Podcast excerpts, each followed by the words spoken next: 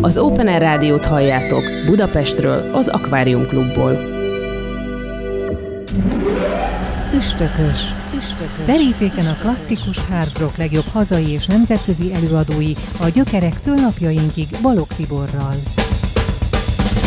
Szeretettel köszöntök mindenkit, itt vagyunk az Üstökös Pluszban, a Krémben, az Open Air Rádióban, még mindig Balog Tibor vagyok, Cserkuti Péter hangmester barátommal, látjuk vendégül kedves régi barátunkat, de még milyen régit, hiszen a minőség soha nem megy ki a divatból, szoktam mondani a műsorainkra, a zenéinkre és a tartalmainkra is. Így van ez ma is, hiszen Borbás Balázs, a Hemingway étterem tulajdonosa, vezetője, mindenese, ugye, producere, a kedves vendégem. Mindent ő fog elmesélni, mesélni, miközben majd remek muzsikákat is adunk természetesen, hiszen Balázs régi motoros, bár örök ifjú, örök tűző lelkű lélek, de nem ma kezdte, úgyhogy eléggé otthon van a szakmában. Én egyet tudok, mint a vendéglő média kapcsolattartója, meg helyjel közeli bemutatója, régebben is többször volt már, hogy összedolgoztunk, hogy ez egy olyan különleges hely, helyszín és egy gasztrokulturális millió, amilyen nincs még egy Budán. Úgyhogy nagyon nagy izgalommal kérdezem, és tényleg várjuk, hogy ennek a patinás jó pár évtizedre talán visszatekintő, ugye, de majd Balázs elmondja helynek, a stílusa, a környezete, a kialakítása, az alapítása, mindaz, amit fontosnak tartasz róla, hogy a drága hallgatóink ugye úgy 15-től 70-ig, de aktív örökifjak, mint mi, meg igazi ifjak, akik el is járnak az új klassz helyekre, és kipróbálják, meg visszatérnek, hogy tudjanak meg minél többet erről a különleges gyöngyszemről, erről a kis budai szigetről. Tiéd a szó, Borbás Balázs, tehát tulajdonos. Ha valaki, akkor ő hiteles. Üdvözlöm a kedves hallgatókat, és szervusz TV, tényleg elég régóta ismerjük egymást. Amit mondtál, hogy régi motoros vagyok, ez igaz, mert elég régóta robogozom is. De a lényeg az, most, most is robogóval jöttem, hogy le tudjak itt parkolni. Okos. Lényeg az, hogy például az éttermünknél abszolút ingyen és könnyen lehet parkolni, ha már ez itt szóba került. Ez itt, az sem mindegy. Az sem mindegy, igen. Tehát ezt nagyon szeretik az üzletemberek, vagy akár a rendezvényre érkező nagy számú tömeg hogy minden gond nélkül leparkol. No, hát a gasztronómiában is aránylag régi motoros vagyok. 1998-ban a Mamutban nyitottuk a testvéremmel az első éttermünket, Idue Fratelli, a két fivér néven elég sikeres volt, aztán ez azóta is ottan is olasz étterem volt, de már nem a mi tulajdonunkban, nem a mi üzemeltetésünkben. Uh-huh. És aztán 2000-ben sikerült megnyitni a Hemingway-t, 90 2009-ben vettük birtokba, hogy átalakíthassuk, és azóta üzemel nyilván voltak hullámhegyek, hullámvölgyek, de ez leginkább a makrogazdasági környezetnek köszönhető, amely akár világszinten, akár kis országunkban viszi a hátán ez a hullámzó tenger a gasztronómiai hajót. Ha már Hemingway. Igen, ez nyilván az öreghalász és a tenger miatt lehet egy jó párhuzam, de valóban néha viharos vizeken kellett kifogni a kisebb vagy nagyobb halat, hogy túléljünk, de szerencsére ez a Covid alatt is sikerült, nagyon rövid időre kellett bezárni, sikerült a 2008-as válság idején, és hát reméljük, hogy most ebben a borzasztóan nehéz gazdasági helyzetben ugyanúgy tudjuk menni tovább és irányítani megfelelő irányba ezt a hajót. Végül is valószínűleg ugrálni fogunk itt a témák és az idősíkok között. Mostani időszakra visszakanyarodva vagy maradva ennél az az igazság, hogy nagyon-nagyon nehéz, és ezt hallja mindenki mindenkitől.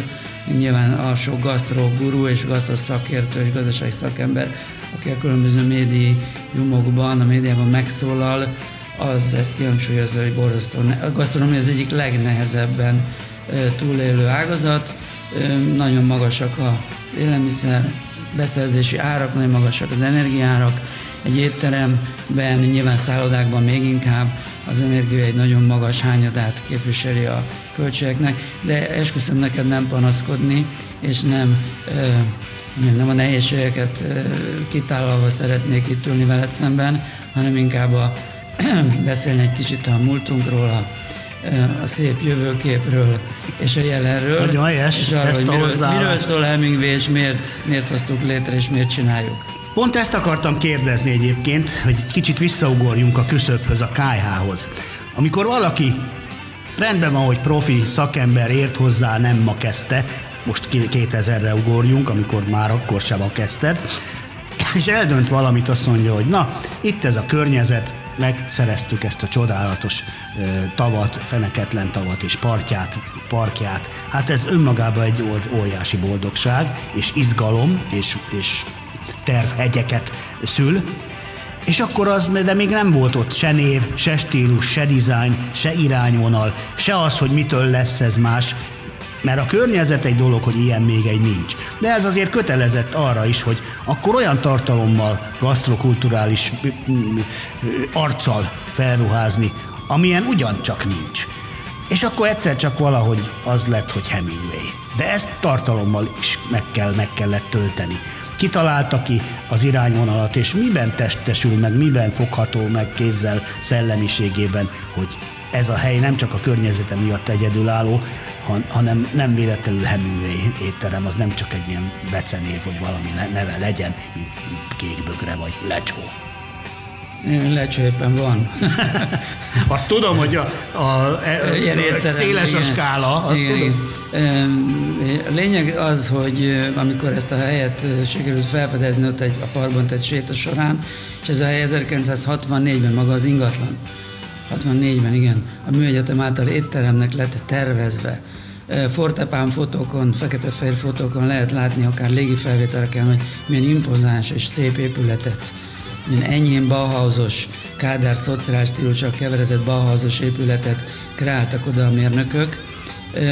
No, tehát ez a hely adottságaiban nagyszerű volt, azzal az óriási terasz az adott volt, és egy jó ideig ott egy nagyon menő szórakozó hely, zenés, bulis hely volt, a is jártam, mint vendég, uh-huh. szinte minden héten tényleg rengeteg barát, ismerős haver volt ott, és jókat táncoltunk, de aztán lerohadt, lerobbant, és kiderült, hogy bérbeadó.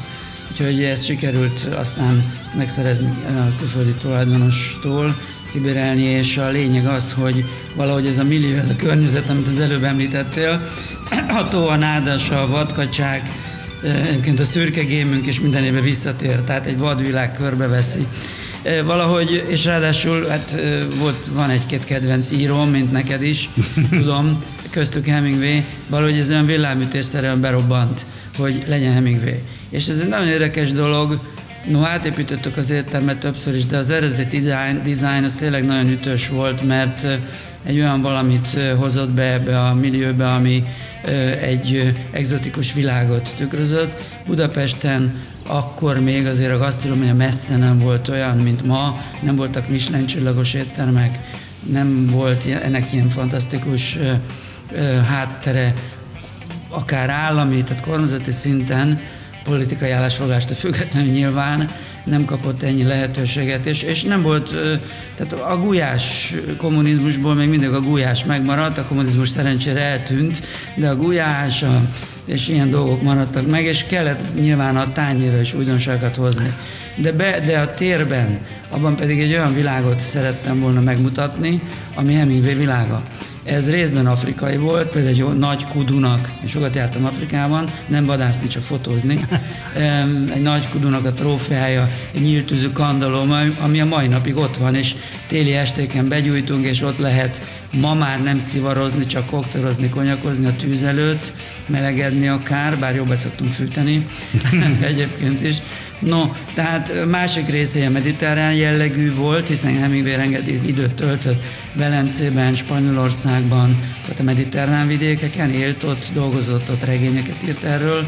Azon kívül volt még ugye a karibi világ, a karibi hangulat, amelyet ez a tér tükrözött, a belső részlet tükrözött. Ez a színvilág, ezek a bútorok, ezek a kerámiák, sok növény, és hozzá a terasz, a tó, úgyhogy Hemingway a szivarjával, a filmjeivel, a regényeinek a megfilmesítésével, a romantikájával, a világsztárokkal, akik játszottak ezekben a filmekben, a Bika viadallal, ami a legférfiasabb életre halálra szóló halál délután, ugye a könyv, ami erről szól, ami egy fantasztikus, érdekes ilyen riportregény. Tehát ez mind-mind-mind, és a híres koktéljai, ugye, a Floridita és a többiek ezek mind-mind ott megkaphatók voltak, és tükrözték ezt a, ezt, a, ezt a világot, amiben mi beszippantottuk szerencsére akkor rögtön. Tehát első naptól kezdve faltól falig ért a vendégsereg, és akkor hm. jöttek ugye a hírességek, a magyar és külföldi sztárok, de az átlagember is. Tehát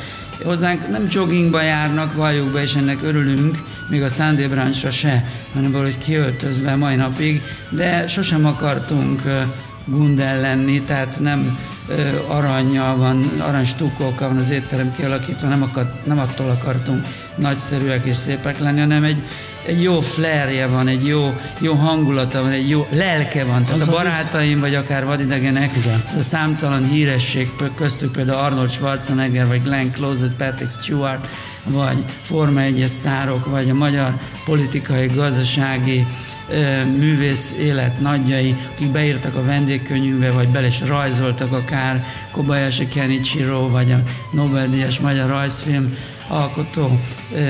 Ezek mind-mind azt írták be, hogy lelke van a helynek. Nyilván valaki étterembe azért megy, hogy egyen. Tehát mi azért mindig annak örülünk, ha ide nem a környezet miatt jönnek meg a tó, meg a terasz, hanem az étellel is elégedettek.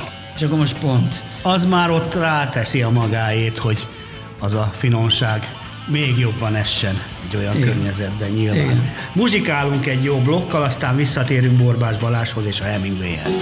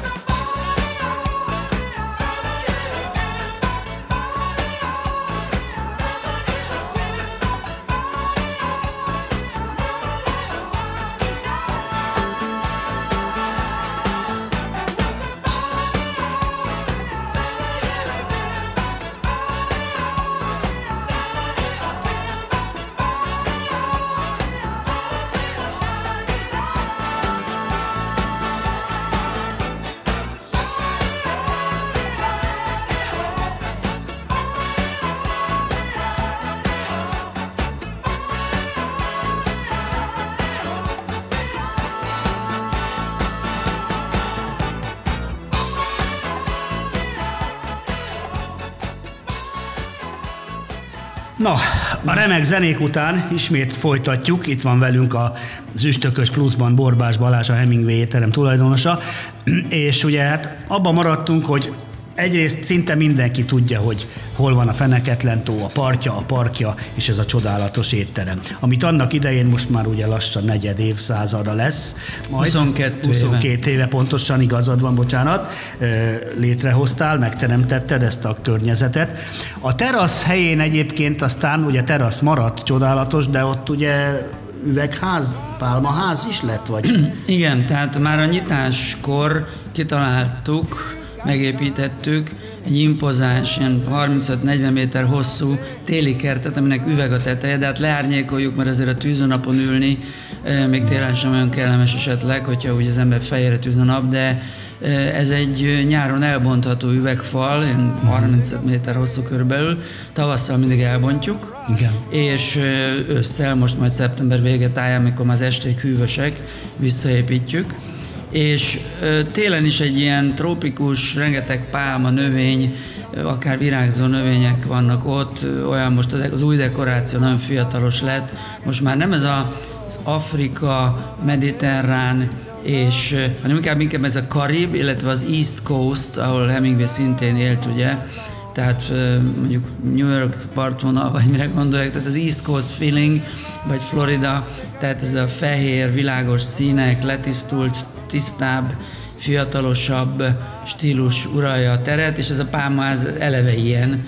tehát egy fehér fából és üvegből épült téli kert, ami télen is a nyarat varázsolja oda az embereknek, és nagyon kellemes helyszín. Miben tud még megnyilvánulni? Az alapvető dolog például, hogy a Hemingway kedvenceiről tudunk-e valamit ételben, italban, és az valahol találkozhat-e a e, magyar, illetve hát nemzetközi vendégseregetek ízlésével, vagy akár kérdezheti-e az az Arnold Schwarzi, vagy az a Kovács Géza, e, hogy na, mit szeretett a, mester, van olyanjuk, ajánljon valamit, főpincér úr. Tehát hogy tud jelentkezni, mit tudunk a, a, az, az öreg legény fogásairól, kedvenceiről, hát, és meg tudjátok-e prezentálni, vagy van-e így? Ez. Igazság szerint a Hemingway-nek a kedvenc ételeit úgy nagyon nem kutattuk, már a kezdetektől nyilván volt karthal az étlapon, ugye, hát mit fogott ki az öreg halász? Igen. A hatalmas marlint, Igen. A, a karthalat, ugye, cápánk is volt, mert cápák falták fel aztán a karthalat. Ja, sajnos sírtam, igen, igen, 15 éves. Igen, tehát nyilván a halételeink, királyrák, és társai, ezek tintahal változó felállásban mindig szerepeltek az étlapon. Nagyon érdekes, hogy a magyar vendégsereg, mert hozzánk főleg magyarok járnak, uh-huh. illetve expátok, akik itt élő külföldiek, hiszen azért nem vagyunk turisztikailag centrális helyen, sajnos, vagy nem is tudom, hogy mondjam, tehát ez, ez nem egy turista, turisták által látogatott helyszín. Igen. Tehát ez egy destináció. Magyarul ide céliránysal jönnek az emberek. Tehát a lényeg az, hogy főleg a, ma- a magyarok és az itt élő külföldiek a vendégeink, szerencsére nagyon sok visszatérő törzs vendég, és nyilván nem unják meg az ételket, ezeket mindig rotáljuk. Régen jóval nagyobb étlapunk volt, de emlékszem azért a menő helyekre Budapesten, nem akarok neveket mondani, bár ezek közül jó pár már meg is szűnt, mi meg hál' Istennek 22 éve fenn vagyunk azért a gasztronómia palettán Budapesten, büszkék is vagyunk erre. Szóval egy szó, mint száz változtatjuk az ételeket, és nem olyan marra nagy az étlap már. Nem olyan nagy. Nyilván próbálunk szezonálisak lenni, és mindig vannak rövid, nem feltétlenül heti, hanem ilyen szezonális ajánlataink. Ez lehet ugye az eper, ez lehet a spárga, ez lehet vad, ez lehet liba, ugye Szent Márton közeledik hamarosan Világos, novemberben igen. Szent Márton, liba és társai. Karácsonykor, amikor rengeteg rendezvény van, akkor természetesen a karácsonyi dolgok. Ezt néha elviteles kivitelben is produkáljuk, nem minden évben csináltuk ezt, de el lehetett vinni karácsony specialitásokat. Előre csomagolva. Azon kívül nagyon fontos számunkra nyilván, hogy legyen hal, vad, szárnyas, fehérhús, vöröshús, a desszerteknek mindig szintén szezonális jelleget próbálunk adni, és hát mivel nagyon sok kedves hölgy jár hozzánk, figyelünk arra, hogy egészséges ételeket is adjunk, nem vagyunk vegán étterem, nem vagyunk vegetáriánus étterem, sose akartunk az lenni, az egy nagyon szűk mesdjéje annak a piacnak, amiből aztán meg is kéne valahogy élni. Tehát ez egy Világos. óriási étterem, nagy személyzettel, nagy rezsivel, tehát ez nem, nem tud egy ilyen rést megtámadni, nekünk minden hangszeren kell játszani. Úgyhogy az az igazság, hogy arra nagyon figyelünk, hogy mindenkinek az igényeit megpróbálják kielégíteni, mindenféle vásárlóközönségek. Ez eddig általában úgy tűnik sikerült, ezt igazolják a, a visszatérő vendégek, de hát azt kell, hogy mondjam, hogy a magyar alapanyagok, a jó alapanyagok, ez a kulcs. Ez a kulcs. Nyilván a királyrákot kivéve azt nem a topból fogjuk. Világos. Hát gondoltam is, hogy ez a válasz, hogy egy profi széles választékú, az igényekhez alkalmazkodó, nem túlburjánzó, fölöslegesen nem tartunk olyan dolgokat, ugye, amik úgysem kellendők, vagy, vagy ránk szárad, viccesen mondva, úgyhogy ezt, ebben biztos voltam. Szívesen mondok még ezért, ha megengedett röviden, hogy... szabadba vágva ehhez. Tehát nekünk van magyaros, és van nemzetközi kínálatunk. A nemzetközibe beleférhet egy távol-keleti étel, természetesen az olasz konya, ami a világon a legelterjedtebb. Ezt szintén nagyon szeretek a vendégeink, és csináljuk tésztafélék, vagy olasz specialitások, akár a hidegkonyai fronton, akár a melegételek között, illetve nagyon fontos az is még, hogy klasszikusokat is kínálunk, tehát nem tudjuk abba adni a Bécsi egy gyártást. Pont erre gondoltam. Futósz, Megőrülök érte 60 Igen, éve. De ez nagyon érdekes, mert mindenki.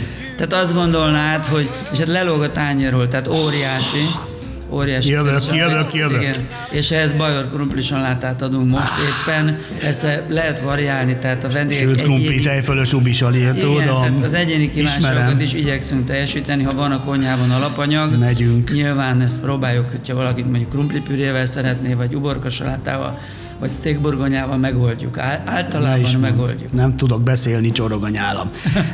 A barátnőm uh, Randi ismerkedésem van, lenne, az biztos, mint ahogy meg is szoktam tenni, oda viszem a menyecskét, mert ez egy csoda romantika. Ha ne adj Isten, mint ahogy eszembe sincs, nősülnék, akkor ott tartanám, hivatkozva visszaélve a barátságunkkal, de gondolom, hogy nem rólam van szó, hanem sorba állnak egy ilyen helyért, nem? Mert hogy ti készen álltok, családi, üzleti, romantikus lagzi, stb. partik, szép események fogadására is, nem? Így van. Tehát egészen a kezdetektől elkezdtük a rendezvényeket is, mert annyi megkeresés jött, hogy nyilvánvalóan nem Azt tettük gondoltam. meg, hogy nemet mondunk, meg hát üzletileg is indokolt volt, mert ahogy mondtam talán, bár a befogadó létszámot még nem említettem, azért nyári időszakban akár 300 ember le tud ülni, van két külön termünk, van egy ö, aránylag új teraszunk, dísznövényekkel körbekerítve ugye park felé, hátrafelé is, ahol le tud ülni 20-30 ember, külön termekben 30-40 ember, és így gyakoriak a sajtótájékoztatók, vagy meetingek, amit a cégek saját maguknak ilyen belső kis fejtágítók reggeltől estig közben megebédelnek, vagy akár meg is vacsoráznak, a cégvezetés, vagy akit éppen okítanak, tanfolyamokat tartanak maguknak, tehát rengeteg ilyen is van.